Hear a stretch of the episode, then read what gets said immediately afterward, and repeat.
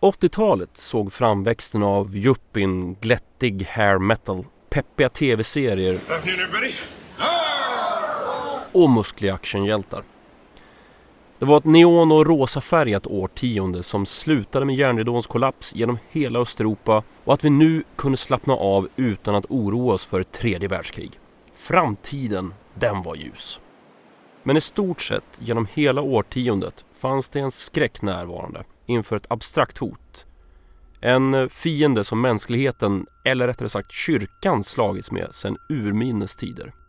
Abaddon, Flugornas herre, Morgonstjärnan, Lucifer, Satan, Djävulen. Ja, kärt barn har många namn. Kyrkoföreträdare och andra i samhället tyckte sig se tecken överallt på att djävulsdyrkande sekter infiltrerade samhällskroppen på alla plan. Och det var ungdomarna som främst korrumperades genom tv-spel, hårdrock, serietidningar och rollspel. Men ynglingarna var egentligen bara brickor i ett spel som styrdes av ett globalt nätverk av mäktiga djävulsdyrkande kulter. De här kulterna ska enligt utsagor och så att säga vittnesmål ha offrat tusentals barn och djur varje år i djävulens namn. Allt för att få mer makt i samhället och korrumpera våra själar. Och som med så många hemliga sällskap i konspirationsteorier var de här kulterna så mäktiga att de kunde förtrycka rapporteringen kring barns försvinnanden och regelrätta mordorgier. Idag kan man ju dra på mungiporna åt de här vanföreställningarna. Men problemet är att den här typen av övertygelse fick tragiska konsekvenser under 80 och 90-talet. Barn togs från sina föräldrar på grund av rykten om övergrepp i djävulens namn. Vuxna, ja, de fick sina privata och professionella liv förstörda. Och hela samhällen slets sönder av rykten och misstänksamhet. Och som en bitter och ironisk twist har den här sataniska konspirationsteorin fått nytt syre tack vare en modern politisk konspirationsteori i USA. Den så kallade Pizzagate. Nu är det således dags att plocka fram krucifixet och vända upp och ner, doppa oblaten i blod, läsa Fader vår baklänges och säga hans namn tre gånger. Jag heter... Och ni ska vara jävligt välkomna till dagens avsnitt av Kvalificerat Hemligt. Denna gång om fenomenet Ritual Satanic Abuse, fallet med McMartin Preschool och konspirationsteorin Pizzagate.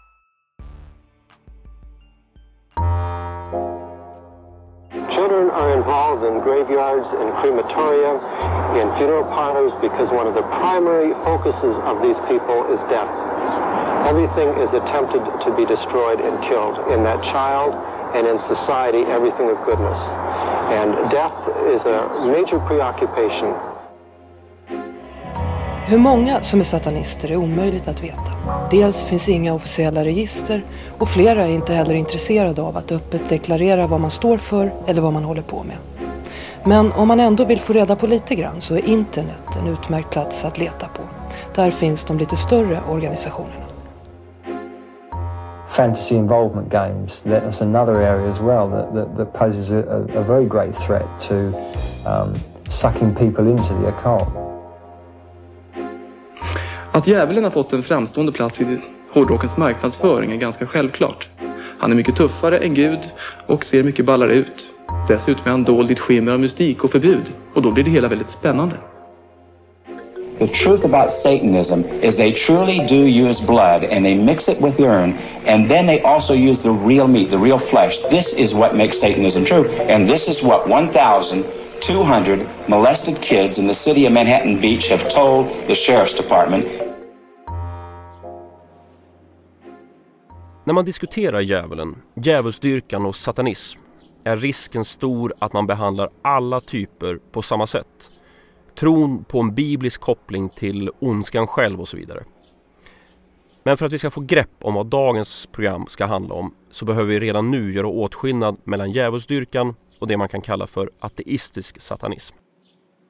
Djävulsdyrkan är en religiös tro på den bibliska formen av djävulen som en företrädare för så att säga andra sidan och en makt att svära sig till i utbyte mot rikedom och kraft. Satanism kan man kalla för mer av en livsfilosofi där jaget, pragmatism och njutning sätts främst i livet. Och beroende på vem man frågar så är det en frihetlig syn, fri från dömande och skuld. Eller en nihilistisk och ett rätt egoistiskt sätt att se på livet. Fokus i det här programmet kommer att ligga på den religiösa formen av tro, det vill säga djävulsdyrkan. Även om det kanske finns någon form av beröringspunkt kring satanism i programmet. Det har under lång tid funnits en mänsklig tradition av att etablera en motkraft mot den egna religionen och samhället. Och för kristendomen kom den motkraften att bli personifierad i djävulen och hans hantlangare. De här medhjälparna sågs vara de som utförde djävulens order men som också skodde sig själva på omgivningens bekostnad. Från 1300-talet och fram till 1700-talet så drabbades Europa och det som kom att bli USA av de så kallade häxprocesserna. Framförallt kvinnor pekades ut som djävulens hantlangare och utsattes för tortyr för att erkänna sina påstådda synder. Slutet, ja, det var alltid detsamma. Någon form av död. Antingen bränd på bål, halshuggen eller dränkt. Inte ens Sverige klarar sig från den här hysterin. I det som kom att kallas för det stora oväsendet dödades mellan 300 och 400 personer, mestadels kvinnor, för påstått samröre med Hinhåle själv. Men under 1700-talet så började de olika länderna ta sitt förnuft till fånga. Man avslutade processerna även om tron på häxor och deras sataniska koppling levde kvar bland folket så var det nu inte en fråga om liv eller död. Men bilden av djävulen som en motståndare till främst den kristna guden består. Inom de mer fromma rörelserna ser man det här som en bildlig figur, alltså en symbol för människans svaghet och vad som sker på grund av den. Men inom till exempel väckelserörelsen och andra mer bokstavstroende rörelser är man desto mer övertygad om att Satan själv rör sig bland människorna och är ett direkt hot mot oss och vår odödliga själ. Häxpaniken och processerna skulle egentligen kunna vika ett helt eget program åt. Men i jakten på den mörke prinsen så lämnar vi nu 1700-talet bakom oss och hastar med stora kliv mot ett mål mycket närmare vår egen tid, 1980-talet. Vid den här tiden var väckelserörelsen i USA inne i en långt gången förvandling. Från lokala kyrkor med regionalt engagemang började nu predikanterna bli större och större nationella stjärnor komplett med egna tv-kanaler, lyxiga villor, privatflygplan och massiva inkomster.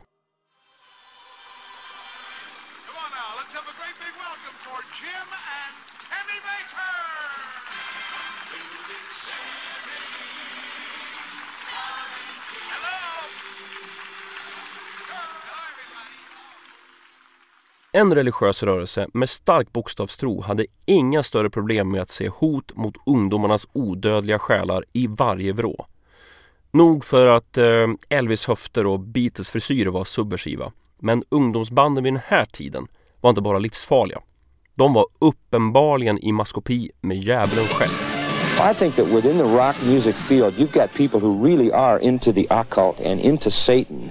Uh, and then you've got some who probably are playing games. But no matter how you cut it, they're propagating Satan. They're propagating the demonic line, the occultic world. And I think it's a devastating thing on our culture. Och kanske inte är så konstigt att eh, vissa engagerade föräldrar och vuxna oroar sig när banden och artister som Slayer, Metallica, Dio och Ozzy Osbourne gillade att klä sina skivor i okulta symboler, sjunga om helvetet, demoner och japp, djävulen själv. Men förutom hårdrock och metal var rollspel ett förhållandevis nytt fenomen inom popkulturen som iakttogs med misstänksamhet. Ganska snart var man övertygad om från kyrkohåll att det här, ja, det var en inkörsport till tyngre grejer. Som till exempel djävulsdyrkan. Rollspelen växte i popularitet bland framförallt unga under 70-talet och blev lika populära som fruktade och hatade under 80-talet. Men eh, redan från start fanns det en misstänksamhet mot de här okulta inslagen i spelen och kritikerna var säkra på att det bara var en tidsfråga innan känsliga individer inte kunde skilja fantasi från verklighet. Ett sådant exempel, felaktigt bör tilläggas, är det tragiska fallet med tonåringen James Dallas Egbert. En kille som var så pass begåvad att han påbörjade universitetsstudier i förtid. Men eh, James led av svår depression och försökte ta livet av sig i augusti 1979. Och då det, åtminstone enligt familjen, omöjligen kunde ha berott på depressionen låg det nära till hans att peka på det faktum att han ägnade sig åt rollspel som förklaringen till hans destruktiva beteende. Den här idén, att rollspelande kunde sudda ut gränsen mellan fantasi och verklighet, var tillräckligt populär för att media skulle varna för rollspelens negativa påverkan.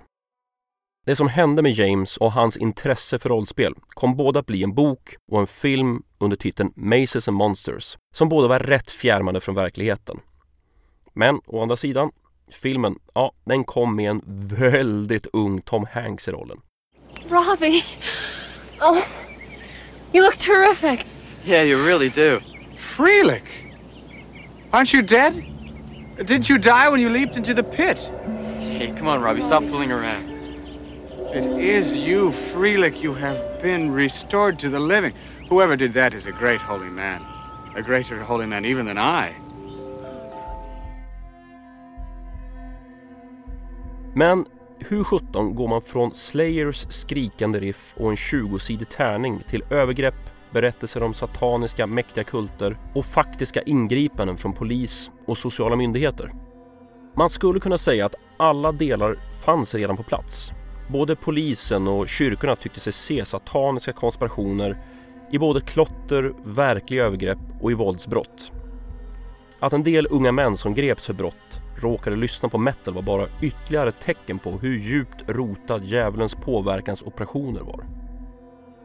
Men det behövdes en samlande punkt att dra dessa trådar till. Ett skeende som kunde sätta samman de här pusselbitarna till en heltäckande bild. In på scen stiger så en kvinna med påstådda förtryckta minnen och en förslagen kanadensisk psykiater.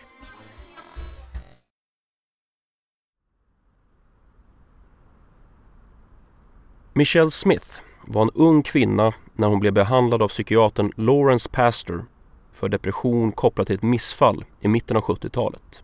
Något skavde i Michelle och under Pastors behandling som bland annat involverade hypnos började hon så minnas övergrepp som skulle ha skett när hon var runt fem år gammal. Totalt spenderade Pastor 600 timmar med att behandla Michelle och under den här behandlingen kom det fram otroliga historier ur Michelles djupaste minnen. Historier om övergrepp, om sadism mot djur och människor, om våldtäkt och om mord, till och med människooffer. Eller var det verkligen Michelle som kom ihåg de här sakerna? Med tanke på att de påstådda minnena framkom under hypnos och med häpnadsväckande påståenden så borde fler varningsklockor ha ringt. Särskilt när Michelle påstod att den sataniska sekten vars våld hon befann sig i höll en 81 dagar lång ceremoni och där inte bara djävulen dök upp utan också Jesus, jungfru Maria och ärkeängeln Mikael. Redan när boken om Michelle publicerades höjdes kritiska röster mot vad den påstod. I den kanadensiska tidningen Macleans till exempel intervjuades Michelles far som förnekade allt som boken påstod och flera andra röster höjdes kring händelserna som var uppenbart påhittade.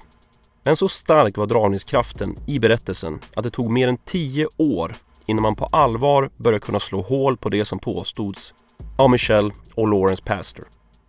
Och det var tack vare den här boken som Lawrence Pastor blev upplyft som en expert på djävulsekter och sataniska övergrepp.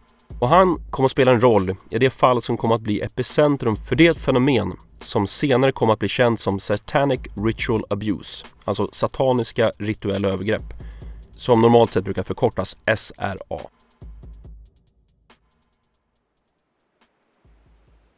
I västra Los Angeles återfinns området Manhattan Beach och här, i hörnet av Walnut Avenue och Manhattan Beach Boulevard, låg tidigare förskolan McMartin Preschool. Förskolan, ja, den byggdes 1966 och drevs vid den tiden av Virginia McMartin. Nu i början av 80-talet hade hennes dotter Peggy McMartin Bucky tagit över verksamheten där även barnbarnen till Virginia jobbade. En dag i augusti 1983 hör en förälder av sig till polisen och gör en anmälan om misstänkt sexuellt övergrepp på hennes son. Kvinnan, Judy Johnson, har blivit misstänksam när hennes son har ont när han går på toa och har sömnsvårigheter. Hon pekar ut Ray Bucky, ett barnbarn till Virginia McMartin som undervisar på förskolan som den som ligger bakom de här påstådda övergreppen. Polisen tar in Bucky för förhör men eh, släpper honom snart i brist på bevis. Trots att inga direkta bevis finns mot Ray Bucky fortsätter polisen undersökningen.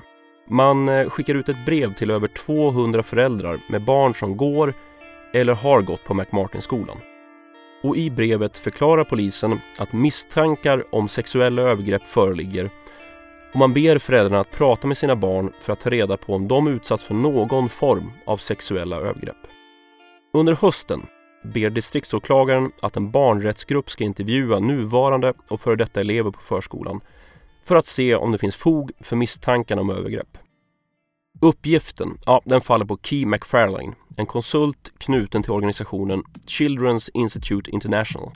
Och i mars 1984, när intervjuerna är över, gör McFarlane bedömningen att andelen sexuellt utsatta barn är nästan 400.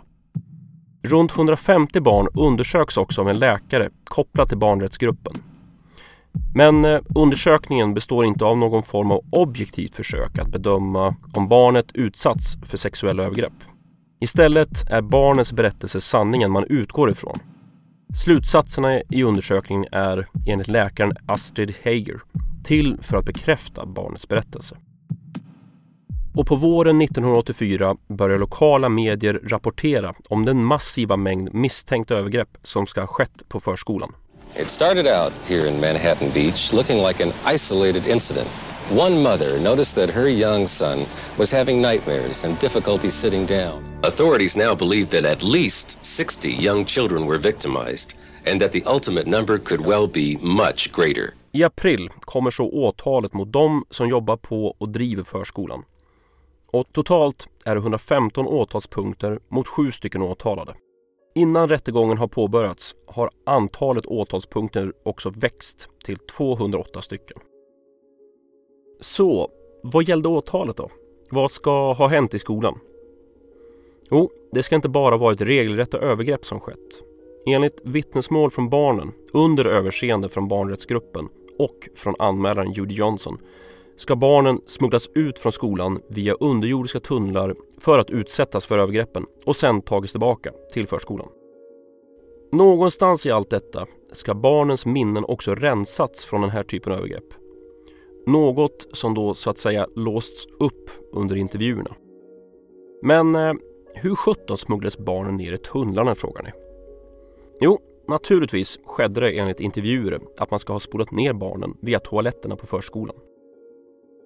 Utöver den tveksamma idén så ska Judy Johnsons son ha flugits till Palm Springs för att utsättas för övergrepp i en satanisk samling där delar av Los Angeles skolstyrelse ingick. Och här ska också läraren Ray Bucky ha flugit genom luften inför sonen. Jodå, så att... Eh, om det inte vore för att det här rättsfallet var extremt utdraget, förstörde ett antal personers liv och blev ett av USAs dyraste brottsmål genom tiderna så skulle man kunna nästan skratta åt den här tragedin.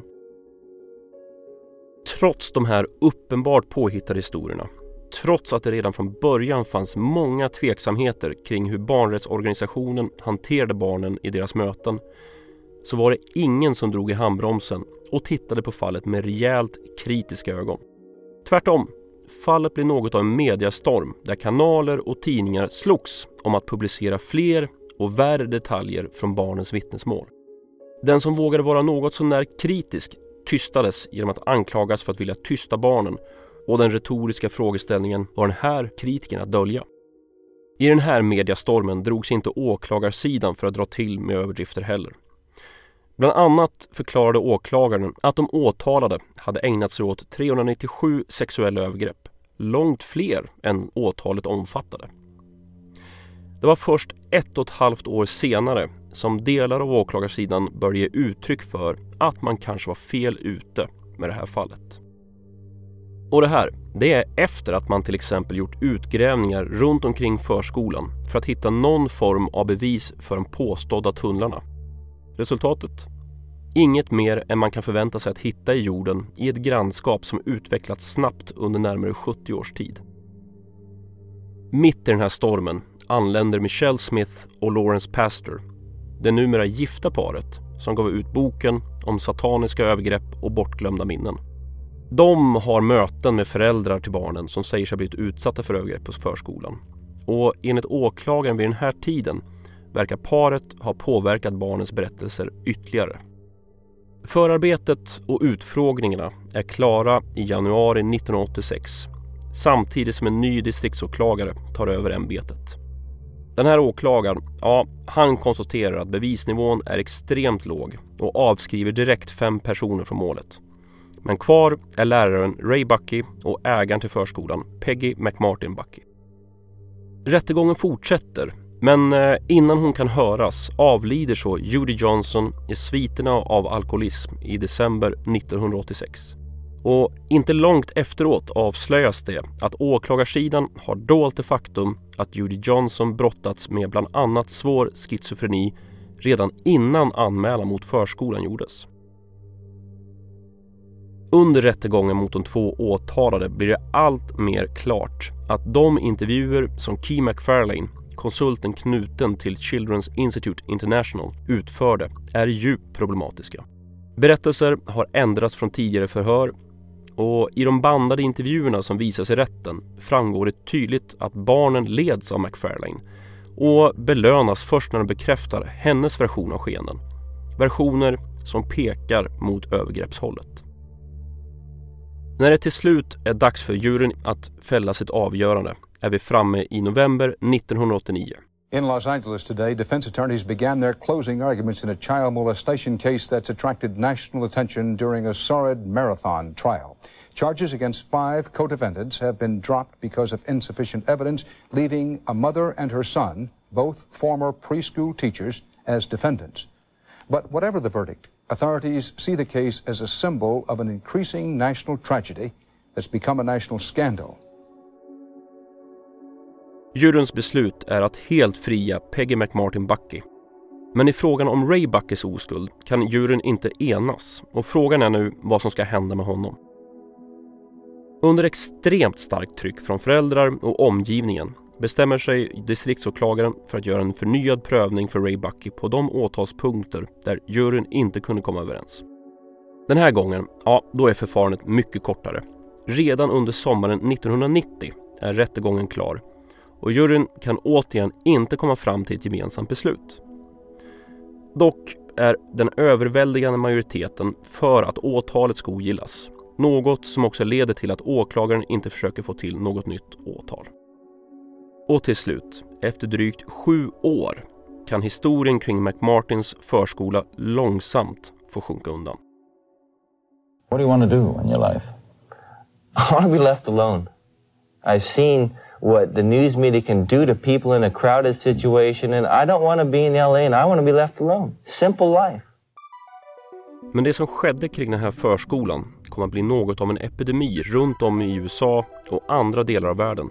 En eh, kombination av fantasier från barn som hittar välvilliga öron hos vuxna som medvetet eller omedvetet leder barnens berättelser för att det bättre ska matcha det man vill höra.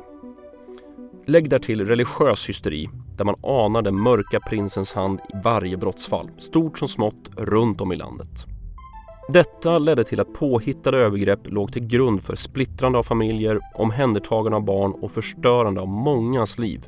Kanske mest kända fallet utanför USA utspelar sig på Orkneyöarna i Skottland under 1991. Baserat på ett barns berättelser agerar en socialsekreterare för att totalt nio barn ska omhändertas av myndigheterna. Ett av skälen är att det förekommit anklagelser om sataniska ritualer kopplat till övergreppen.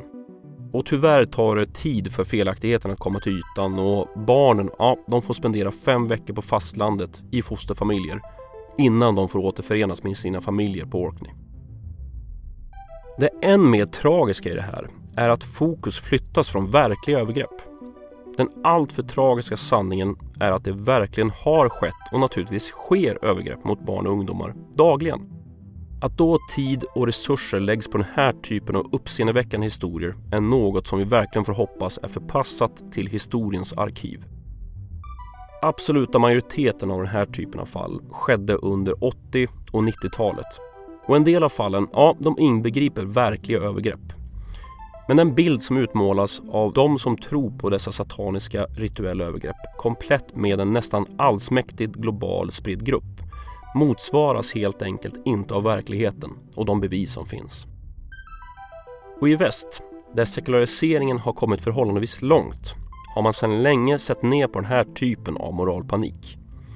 Men eh, något hände i anslutning till amerikanska presidentvalet 2016 som återigen väckte SRA-spöket till liv.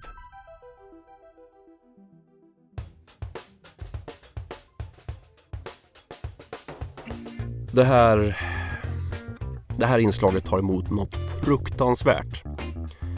På samma sätt som när jag insåg att jag faktiskt behövde förklara för svenskar vad kondensstrimmer var och att det inte var någon besprutning av befolkningen. Men men, a man's gotta do what a man's gotta do. Gott mitt ons och en svensk tiger. Termen kommer från ett internetforum som hävdar att Hillary Clinton var involverad med en grupp som ägnade sig åt barnprostitution kopplat till en pizzeria i Washington som i sin tur ledde till att massmedia rapporterade om en uppenbar påhittad konspirationsteori samt att en person lossade vapen inne på pizzerian. Tack för idag, vi hörs nästa vecka som kommer någon vecka eller så! Ni menar att jag behöver gå igenom den här teorin på riktigt alltså? Hel... Ja, ja, då kör vi. USA inför presidentvalet 2016 är en djup splittrad nation. Retoriken hårdnar. Republikanen Donald Trumps kampanj utmålar pressen som en bunt lögnare och demokraten Hillary Clinton som en brottsling som skulle sättas i fängelse oavsett om hon var skyldig eller inte. Seriously, how do you lie to the FBI and now you're running for president? How does that happen? Right? Ah.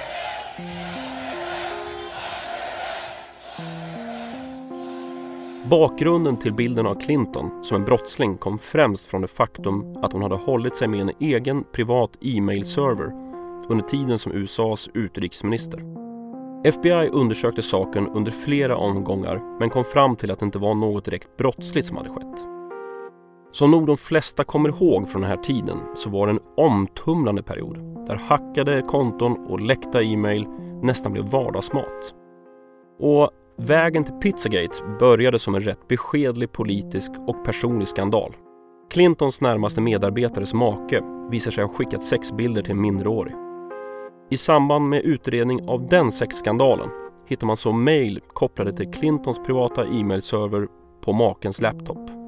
CNN has learned that agents at FBI facilities in Quantico are now combing over thousands of emails on a laptop belonging to disgraced Congressman Anthony Weiner and his estranged wife, Huma Abedin, key aide to Hillary Clinton. Just eight days from the election, the FBI has now obtained a warrant to search those emails found in a separate investigation of Weiner for allegedly sexting with a minor. Det här, ja, det föranledde FBI att återigen öppna upp undersökningen om Clinton gjort något brottsligt genom att hålla sig med sin privata e-mailserver. Strax innan valet i november 2016 meddelar FBI att man inte ser något skäl att öppna upp undersökningen igen. Men det här beskedet, ja, det kommer bara två dagar innan presidentvalet och skadan är redan skedd. Inte blir det bättre heller av att det här förnyade fokuset på Clintons e-mail ledde till att en del falska rykten började cirkulera om exakt vad FBI hittade eller hittade och än värre mörkade bland mejlen. Ett av alla de här ryktena som börjar dyka upp är så bisarrt och så bortom konspiratoriskt att det av de flesta tas för vad det är, ett sjukt påhitt. Ryktet gör gällande att Hillary Clinton är aktiv i ett hemligt sällskap som förgriper sig på barn. Och det här, ja, det sker på olika platser i landet dit det här sällskapet flyger. En av alla dessa platser ska vara en pizzeria i Washington DC, Comet Ping Pong. Under pizzerian skulle det finnas stora utrymmen där barn och ungdomar hölls gömda för att kunna utnyttjas i sataniska ritualer och sexuella övergrepp. Det hade varit dags att himla med ögonen och muttra något ironiskt för att snabbt glömma bort det här. Om det inte vore för att den här konspirationsteorin faktiskt får fäste. Både i vanliga och i sociala medier. Förvisso är de flesta seriösa medierna skeptiska, men det tycks spela mindre roll. Idén har etablerats att ledande politiker ingår i en sekt eller hemlig grupp som förgriper sig på barn. Och än värre, det finns de som inte bara tror att den här idén är rimlig. De tror att den omtalade pizzerian verkligen håller barn fängslade i sin källare. En av alla de som genuint tror på idén bakom Pizzagate är 28-årige Edgar Madison Welch från Salisbury i North Carolina.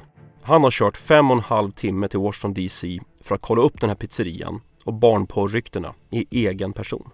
Med sig har han en pistol och en automatkabin. Väl inne på pizzerian flyr nu kunder och anställda när de ser Welch komma in genom dörren med vapen. Inne på den nu tomma restaurangen avlossar han tre skott med automatkabinen och letar runt efter bevis på hemliga gångar och inlåsta barn. Men naturligtvis hittar han ingenting. Istället omringas restaurangen av polis och Welch han ger upp. Hela det här spektaklet slutar med att i juni 2017 döms Welch till fyra års fängelse för det här tilltaget.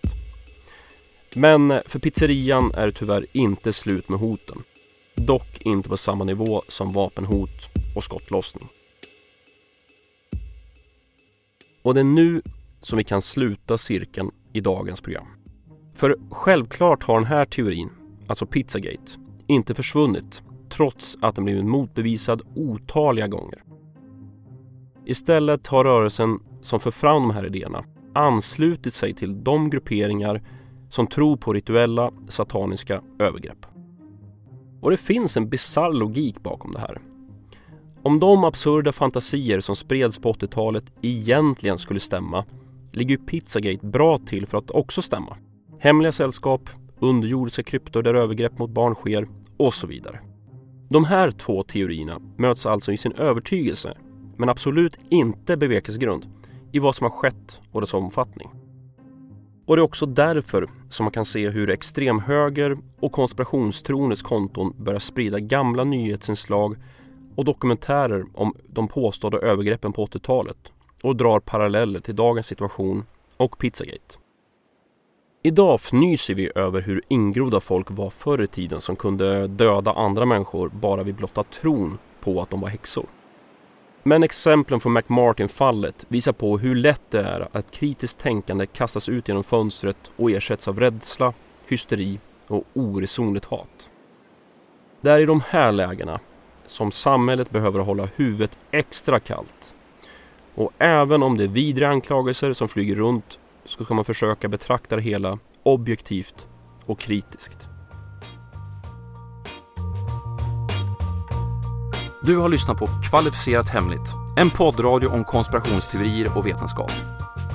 Länkar till musiken, videoklipp och annat som nämns i programmet återfinns på programmets hemsida, khpodden.se. Jag heter C. Åkerberg och tack för att du har lyssnat.